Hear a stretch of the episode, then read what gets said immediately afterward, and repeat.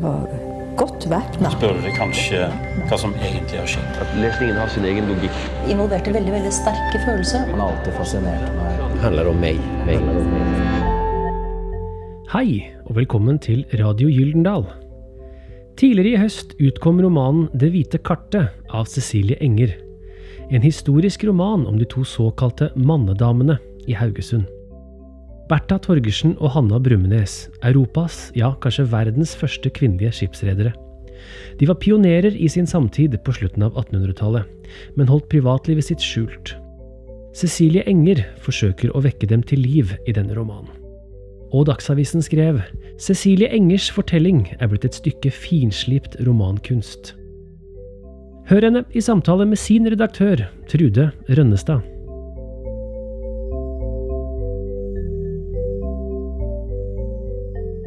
Velkommen til Radio Gyldendal, Cecilie Enger.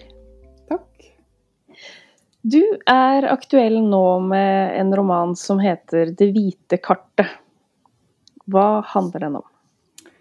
Det hvite kartet handler om Bertha Torgersen og Hanna Brummenes som, eh, som ble verdens, i hvert fall Europas, første kvinnelige skipsredere. Men det er egentlig ikke det at de ble skipsredere som er det mest fascinerende med historien om dem. Eh, Men det er, eh, det er livet deres fra 1860-tallet og fram til eh, etter første verdenskrig, der de lever så annerledes enn de lever så annerledes enn det som er forventet. Ja, det er jo selvfølgelig annerledes også å drive i skipsfart, men det er ikke noe ved deres bakgrunn som tilsier at de skulle at de skulle bli vellykkede forretningskvinner. De er vokst opp altså, i Haugesund i ganske stor fattigdom. Um, Hanna uten mer enn noen måneders utdannelse. Bertha litt, litt, uh, litt bedre stilt i bakgrunnen med en, far som uh, etter hvert blir slakter. Men de, de lever i en tid hvor det som er forventet av dem, er å bli uh, gift og få barn. Um, og uh, å leve et helt um, Et alminnelig vestlandsreligiøst, hardtarbeidende liv. Um, fra før forrige århundreskifte og etter, etterpå. Men, men, så tar livet deres så mange uventede vendinger. Både fordi de Både fordi de begge to er drivende kvinner, eller hva jeg skal si, men også fordi de benytter seg av muligheter som datidens samtid gir dem. Nemlig, eh, nemlig en mulighet til å eh, leve u, som ugift uten å måtte stelle gamle foreldre og søsken, f.eks. Eh, um, muligheten til å, uh, å drive forretning. Sånne ting som før hadde vært om ikke umulig, så i hvert fall veldig mye vanskeligere. Um, og bakgrunnen for at jeg begynte å skrive denne boka, var at jeg ble så utrolig fascinert av et fotografi jeg så av dem. Um, det var et svart-hvitt fotografi som er et av veldig veldig få bilder som fins av disse to kvinnene. Det er tatt i mellomkrigstida på 30-tallet, tror jeg, og da står de i sine herrefrakker, herrehatter, og litt sånn um, De står litt sånn uh, Napoleon-aktig, med, med, litt grove never innunder, uh, innunder frakkeslaget. Og, og, de er så mannhaftige på et vis, samtidig som de står der så stolt og også selvfølgelig foran en stor og vakker bolig som uh, er deres egen. Og på den tida så var det jo begynt å bli sånn at det er flere kvinner i denne perioden som leker med kjønnsroller, som um, um, kler seg ut som eh, eh, Altså, vi kjenner til, til fotografier hvor kvinner har kledd seg i herreklær og gått i eh, fotostudio, at de leker med roller, f.eks. At de leker med det maskuline og det feminine, og, og, og til dels menn og kvinner. Um, altså ikke at menn kler seg som kvinner, men at kvinner kler seg som menn. Mens disse to kvinne på det fotografiet som jeg så, de leker ikke eller spiller roller. De er liksom De er så alvorlige, og bildet er på en måte tatt i et sånt um, Ja, kanskje tatt i et øyeblikk av stolthet over hva de har fått til, på tross av uh, forventninger om altså et helt annet liv. Både fra samfunnets side, men i hvert fall også fra Bertha Torgersens side, som er min hovedperson i, i romanen. For dette fotografiet, som uh, man kan finne på nettet, vet jeg, hvis man søker på navnet deres Det er som du sier, det er ikke et fotografi av to kvinner som har kledd seg ut for anledningen. Uh, men dette var jo mer sånn representativt for hvordan de agerte og var i, i samfunnet på den tiden. F.eks. at Hanna hvordan var det hvis hun underskrev eh, papir, f.eks.? Har du ikke ja, med altså, noe om det? Mm. Jo, jeg, jeg, har noe med om at hun eh, om at hun flere ganger skriver f.eks. 'herr Brummenes'. Mm. Men eh, jeg tror nok at på den tiden hvor det fotografiet er tatt, så er det jo blitt eh, mm. to tydelige um, Ikke karakterer, men to tydelige kvinner i Haugesunds bybilde. Men, mm. men lenge før det, det romanen min eh, handler om, er på en måte hvordan de, hvordan de skaper både seg selv, hvordan de lever sammen som to lesbiske kvinner i en tid hvor den eh, seksualiteten ikke har noen ord. Og, og hvordan også eh, Hvordan også deres vei fra eh, uutdannelse til å eie flere store skip og eh, ha mange mennesker i, sin, eh, i sitt brød, skulle jeg si. altså er, den klassereisen beskriver jeg, og den seksuelle reisen beskriver jeg i boka. og Det er derfor, det er derfor jeg har gitt romanen tittelen 'Det hvite kartet'. fordi de har på en måte ingen De har ikke noen fyrlykter og uh, Hva skal jeg si? og seile etter, eller Altså, det fins på en måte ikke noen forbilder i deres samtid. Eh, det fantes jo um, det fantes jo selvfølgelig klubber for lesbiske i Berlin rundt uh, Altså for 100 år siden. Det fantes um, kvinnelige nobelprisvinnere i Sverige som kanskje uh, hadde forhold til andre kvinner, men her snakker vi Haugesund 1880-1900.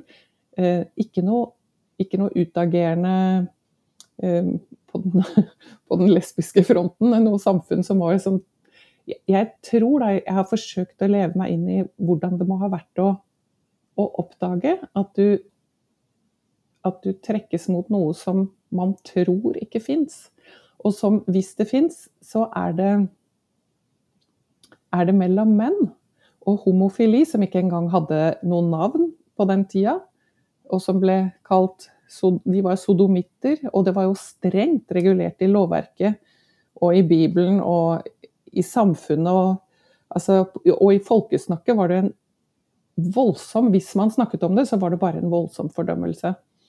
Sånn sett så har jeg tenkt at Berthas gryende da um, tiltrekning mot den mer maskuline Hanna, det må ha vært både skremmende og kanskje um, ja, ja, kanskje Hva er det jeg, jeg kaller det vel altså jeg, Det er ikke bare skremmende, det er også på en måte fantastisk. Altså det er en fantastisk oppdagelse samtidig som, som det er vanskelig for Bertha å på en måte erkjenne at hun er annerledes, at hun føler annerledes, og at det det livet hun på en måte har sett for seg som barn og ungdom, det er ikke det, er ikke det livet hun kan få. Eller vil ha, er vel riktigere å si. Sånn at um, Jeg har vært liksom interessert i å, å, forsøke å se hva det er som gjør at, uh, at, et, at et menneske våger å gå inn i noe som er ukjent og utrygt, og så allikevel ikke kunne noe annet. Og ikke ville noe annet dette at de har et uh, intimt kjærlighetsforhold i tillegg til å være forretningspartnere. Uh, dette er jo ikke noe du vet, eller noe vi kan vite, for dette fins det ikke noe støtte i kildene. Uh, så dette er jo noe du har diktet og forestilt deg. Ja. Vil du si litt om hvordan du har gått frem i dette spennet mellom den historiske realiteten, som du jo i aller høyeste grad også forholder deg til, og dette mer eh, fiktive da, i, i romanen din? Mm. Uh, ja, jeg har eh, Ja, som du sa, i, i selve romanen så jeg, støtter jeg meg til alle de faktaene fra deres liv som, um, som jeg kunne finne. Altså, men det var så lite. Det, så, det er så skrint av opplysninger om, om Bertha Torgersen og Hanna Brummenes. De har ikke etterlatt seg dagbøker eller brev eller um, eller som Elise Wessel i romanen om 'Himmelstormeren', som jeg skrev for mange år siden, som hadde etterlatt seg utrolig mye skriftlig. Mm. Som gjorde at man kunne vite hvordan hun også tenkte om veldig mange ting. Mm. Jeg kan ikke vite hvordan, jeg, hvordan, man, altså hvordan Bertha og Hanna tenkte om veldig mange ting, men jeg kan jo se på samtiden deres, hvordan samtiden oppfattet um, um, homofili, eller i det he seksualitet for kvinner i det hele tatt. Um, og hvordan man tenkte om forventningen til hva et kvinneliv skulle inneholde.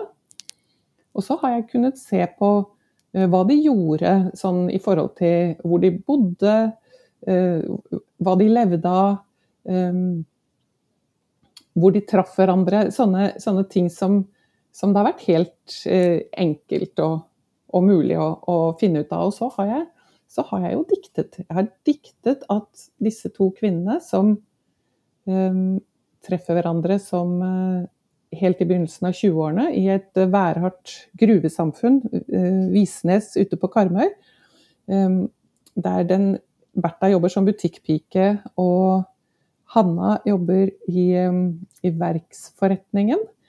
Altså at um, jeg har tenkt at um, det er ikke så vanskelig å se for seg at disse to kvinnene, der den ene, Hanna, i utgangspunktet er en, en hun, de, de, kaller det jo en mannedame. Altså at hun, hun legger ikke skjul på at hun uh, har lyst Hun går med hun går med skjørt, men hun går ellers med frakk og bowlerhatt f.eks. Altså at hun forsøker ikke å, å ha et veldig sånn feminint uttrykk.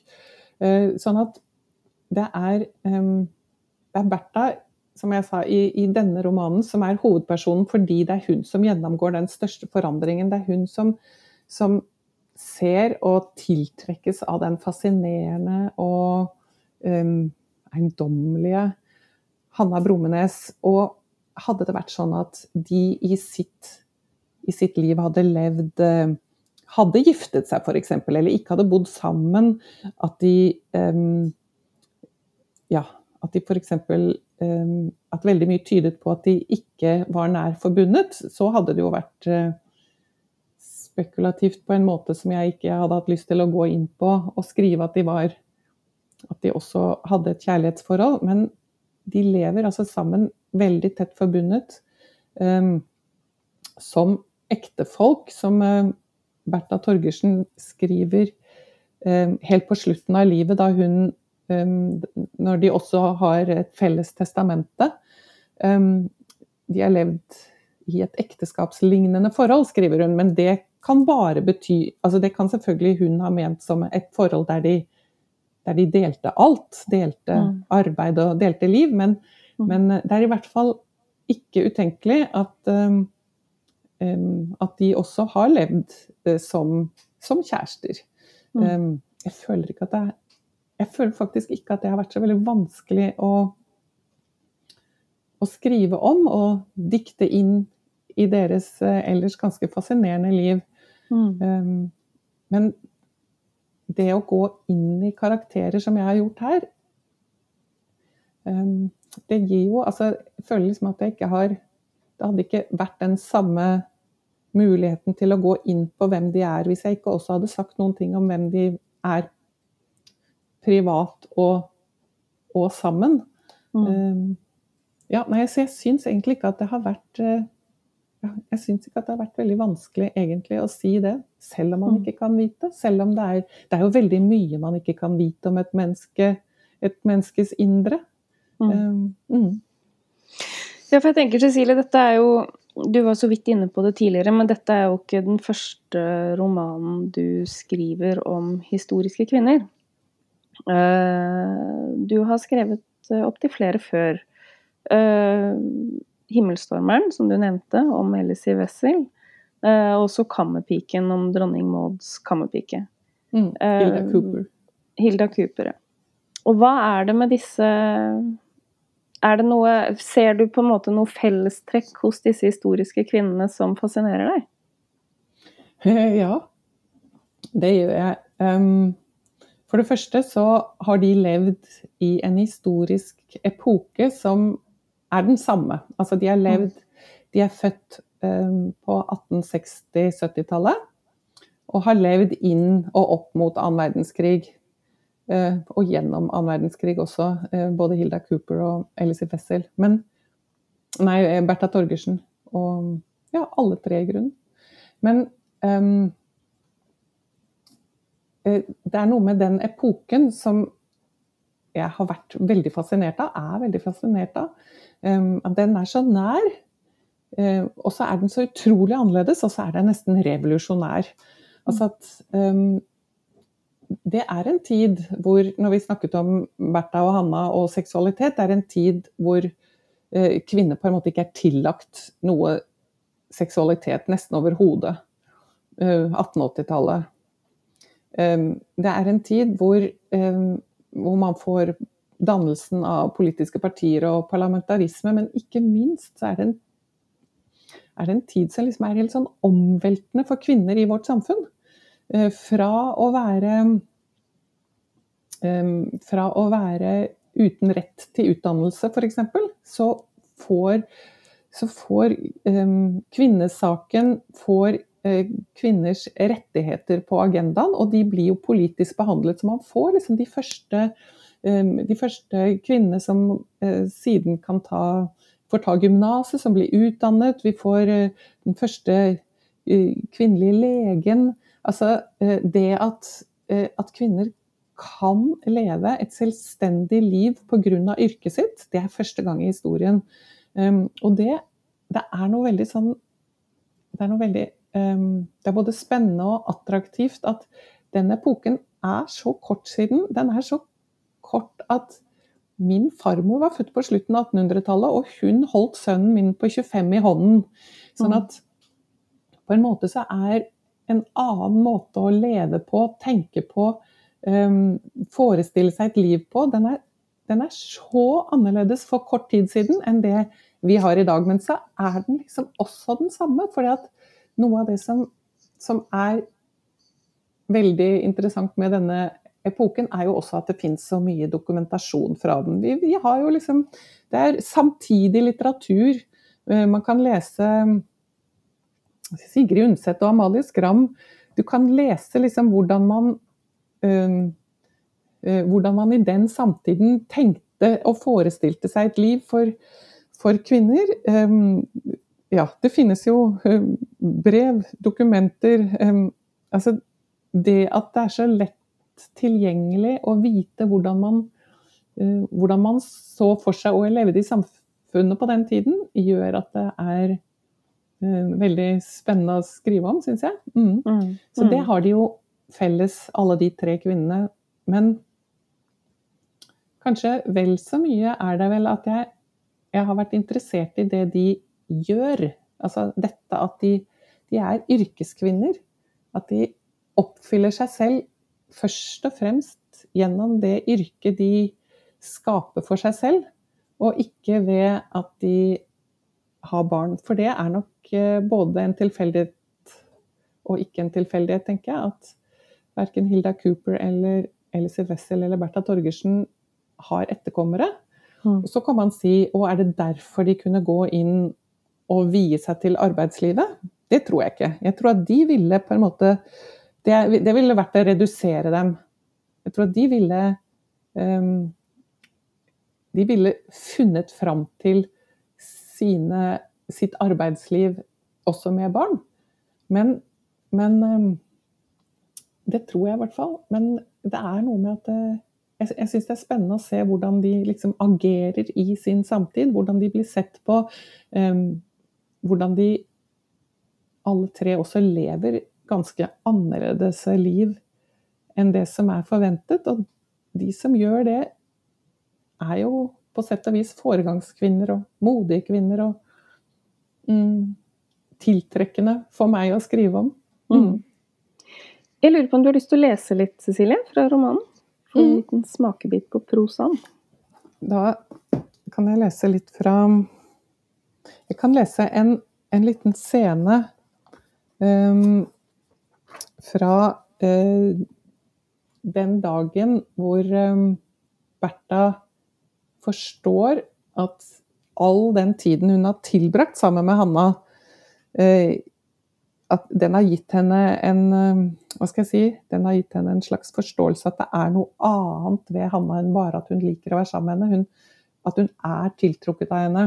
Og her er de ute og ror eh, i denne gruvebyen eh, ved Visnes, hvor de utvant kobber. Bl.a. det kobberet som ble til frihetsstatuen i USA. Mm. Hun ville være i denne båten, alltid. Kjenne det kalde vannet mot den høyre hånden, som hun hadde senket nedover ripa.